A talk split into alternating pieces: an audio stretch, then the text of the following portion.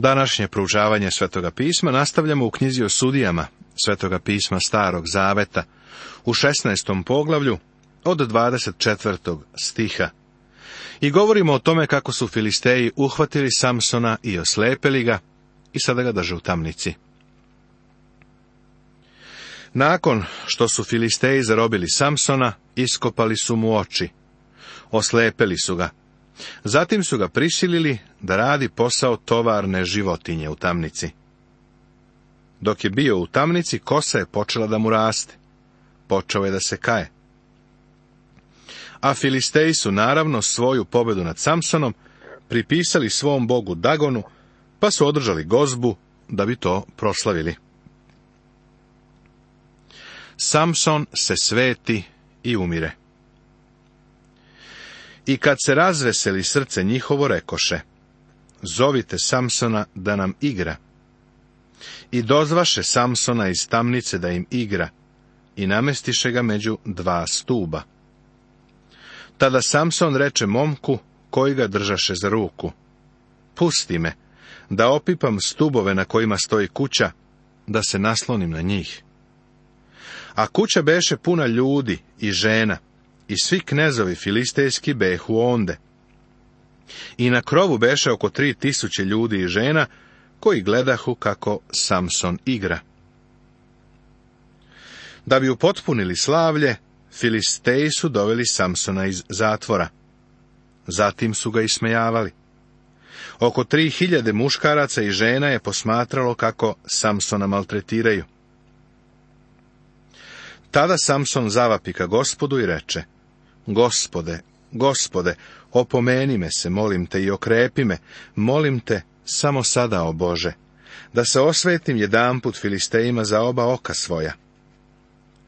I zagarli Samson dva stuba srednja na kojima stajaše kuća i nasloni se na njih, na jedan desnom, a na drugi levom rukom svojom. Pa onda reče Samson, neka umrem s Filistejima. I naleže jako. I pade kuća na knezove i na sav narod koji beše u njoj. I bi mrtvih koje pobi umirući više nego onih koje pobi za života svoga. Posle dođoše braća njegova i sav dom oca njegova i uzeše ga. I vrativši se, pogreboše ga između Saraje i Estola u grobu Manoja, oca njegova. I on bi sudija Izraelu dvadeset godina. Samson nije uspeo. Počeo je da izbavlja Izrael, ali nije uspeo. Više je voleo da se igra sa grehom, sve dok duh sveti nije odstupio od njega. Njegovu priču nam kazuju tri važna stiha. Prvi, tajna Samsonovog uspeha. Jer gle, zatrudnećeš i rodit ćeš sina i britva da ne pređe po njegovoj glavi – jer će dete biti i Božiji od utrobe materine, i on će početi izbavljati Izrael iz ruku filistejskih. Ovo je zapisano u 13. poglavlju knjige u sudijama u petom stihu. Drugi stih je tajna Samsonove snage.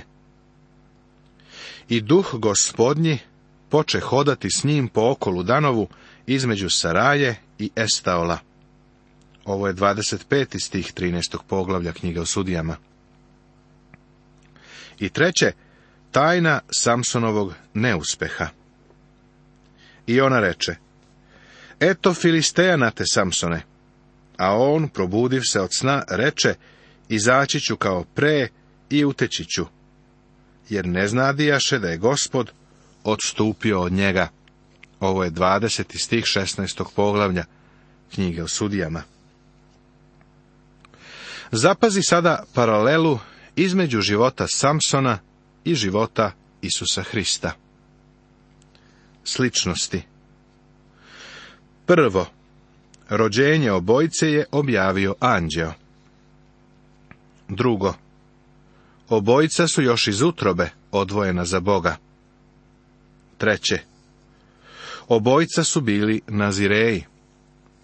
Četvrto, Obojica su hodala u sili duha svetoga. Peto. Obojicu je njihov narod odbacio.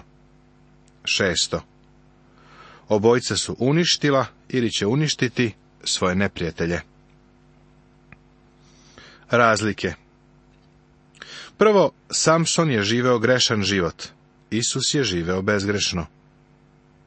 Drugo, Samson se u momentu svoje smrti molio, o Bože, da se osvetim Filistejima za oba oka svoja. A Isus se molio, oče, oprostim jer ne znaju šta čine. Treće, u momentu smrti Samsonove ruke su bile raširene u besu, a u momentu smrti Isusove ruke su bile raširene u ljubavi. I četvrto, Samson je umro, a Isus Hristos živi. Poglavlja 17. i 18. Tema Versko otpadništvo Hram Religiozna zbrka u Izraelu U poglavljima od 17. do 21. imamo predstavljenu filozofiju istorije, koja je spomenuta na početku ove knjige. Slikovito nam je predstavljena kroz sudije, u vidu točka istorije koji se stalno okreće. Počinje sa Izraelom koji se nalazi na mestu blagoslova. Služe Bogu. Zatim narod odstupa od Boga i čini zlo. Zatim idu svojim putem. Onda bivaju predati u ropstvo. U ropstvu i sužanjstvu vape Bogu za izbavljenjem. Zatim se obraćaju Bogu i kaju se. Potom Bog podiže sudije koji ih izbavljaju. Izrael se tada vraća na mesto blagoslova i postaje narod koji služi Bogu. I upravo onda kada je sve opet u redu, oni zapadaju u greh i ponovo se odvraćaju od Boga. Sve u svemu, Izrael je sedam puta bio u otpadništvu. Ovo nam pruža filozofiju istorije. Svaki narod pada ovim redosledom. Prvo, versko otpadništvo. Drugo, moralna strahota i treći, politička anarhija. Kvaranje započinje u hramu, zatim se nastavlja u kući, pa na kraju zahvata i državu. Ovako svaki narod pada. Ovo doba otpadništva je počelo u danovom plemenu, zbog njihove želje da prošire svoje granice. Nastao je još jedan pad u idolopoklonstvu. Sve to potiče od Mihinog doma i njegove majke koja ga je iskvarila. Sveštenik koga je Miha unajmio da služi njegovim idolima, savjetovao je Dana da nastavi sa sebičnim planom. Bio je to slatkorečivi govor, unajemljenog propovednika. Idelo poklonstvo u Jefremu A beše jedan čovek iz gore Jefremove po imenu Miha. On reče materi svojoj, tisuće i sto srebrnika što su ti ukradeni, za koje si klela i govorila predamnom, evo, to je srebro u mene, ja sam ga uzeo. A mati mu reče, gospoda te blagoslovi, sine. Miha je primjer razmaženog momka. On je mamin sin. Znao je da je majka uštedela neke pare, pa je rešio da ih uzme, da ih ukrade. Njegova majka, ne znajući ko je ukrao novac, proklinje lopova. Onda on priznaje da je lopov, a mama mu umjesto da ga stavi preko kolena, malo nauči pameti, upućuje čestitke. Kaže, neka te gospod blagoslovi, sine. A kad vrati tisuću i sto srebrnika materi svojoj, reče mati njegova. To sam srebro posvetila gospodu iz svoje ruke za tebe, sine moj, da se načini od njega lik rezan i liven. Zato ti ga sada dajem natrag. Kada je Miha majici vratio novac, ona mu je rekla da je taj novac posvetila gospodu. Želela je da napravi lik rezan i liven. Vidiš, odali su se idolopoklonstvu. Zato mu ona novac vraća. Znaš, danas je mnogo tako nedoslednih hrišćana. Ona je novac namenila gospodu, ali ga je upotrebila da se napravi idol. Mnoge grupe sakupljaju priloge i kažu da je to za gospoda, a zatim veći deo tog novca upotrebe za druženje u crkvi petkom uveče. Kažu da je novac posvećen gospodu, ali on posluži samo za slavljanje Boga uživanja. I taj Miha imaše kuću za bogove.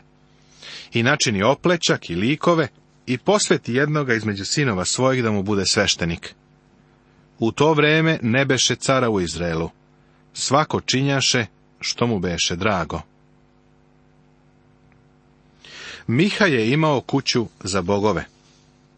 Njegova majka je obezbedila srebro za idole, a Miha im je obezbedio hram. Napravio je oplečak i likove da bi upotpunio hram. Povrh svega, jednog od svojih sinova je posvetio da bude sveštenik. Došli su do trenutka kada je svaki čovek činio što je bilo pravo u njegovim očima ili što mu beše drago. a beše jedan mladić iz Vitlejema Judina, od porodice Judine, koji beše levit i onde boravljaše. On otide iz toga grada, Vitlejema Judina, da se nastani gde može. I idući svojim putem dođe u goru Jefremovu do kuće Mihine. A Miha mu reče, otkuda ideš? Odgovori mu Levit. Iz Vitlejema Judina, idem da se nastanim gde mogu. A Miha mu reče, ostani i budi mi otac i sveštenik, a ja ću ti dati deset srebrnika na godinu i dvoje haljine i hranu. I otide Levit k njemu. Mihu je malo mučilo to što je svog sina postavio za sveštenika. Zato, kada je naišao ovaj nezaposleni sveštenički pomoćnik, Miha ga je unajmio, Ovaj levit iz Vitlejema Judinog je postao privatni porodični sveštenik. Evo sveštenika koji je kao unajemljeni propovednik, koji postaje glasnik ili kurir crkvenog odbora ili neke male grupe. Neka se Bog smiluje crkvi koja ima ovakvog propovednika. Ovaj levit je sada postao sveštenik i ima kuću punu idola. I Levitu bi po volji da ostane kod njega. I bi mu taj mladić kao da mu je sin. I Miha posveti Levita da mu je sveštenik taj mladić. I osta u kući Mihinoj. Tada reče Miha, sada znam da će mi gospod učiniti dobro, zato što imam Levita sveštenika. Ovo poglavlje je otkrivanje niskog duhovnog pada i nivoa na koji je došao izraelski narod. Evo čoveka koji misli da mu ne treba ništa drugo samo zato što ima levita za sveštenika. Kako je ovo tragično razmišljanje? Ipak, Miha je očekivao da Boži blagoslovi dođu na njega. Koliko je danas takvih ljudi? Idolopoklonstvo u Danu Pripadnicima Danovog plemena je bila određena teritorija, koja je bila pod moćnom filistejskom okupacijom. Smatrali su da im je potrebno više prostora za život. U Izraelu opet nije bilo cara. Bilo je to doba krajnje zbrke. Nije bilo voćstva. U to vreme ne beše cara u Izraelu. I u to vreme pleme Danovo tražaše sebi nasledstvo, gde bi nastavalo, jer mu dotada ne beše dopalo nasledstvo među plemenima Izraeljevi. Setit ćeš se da u knjizi Isusa Navina piše da ni jedno pleme nije zauzelo celu zemlju koja mu je pripadala. Ovo je svakako važilo i za Danovo pleme na severu. Danovi potomci su imali pravi problem. U stvari bilo je to tako loše da su krenuli u brda.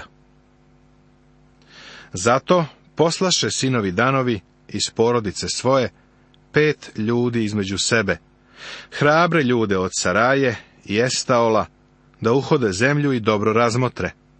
I rekoše im, idite, razmotrite zemlju.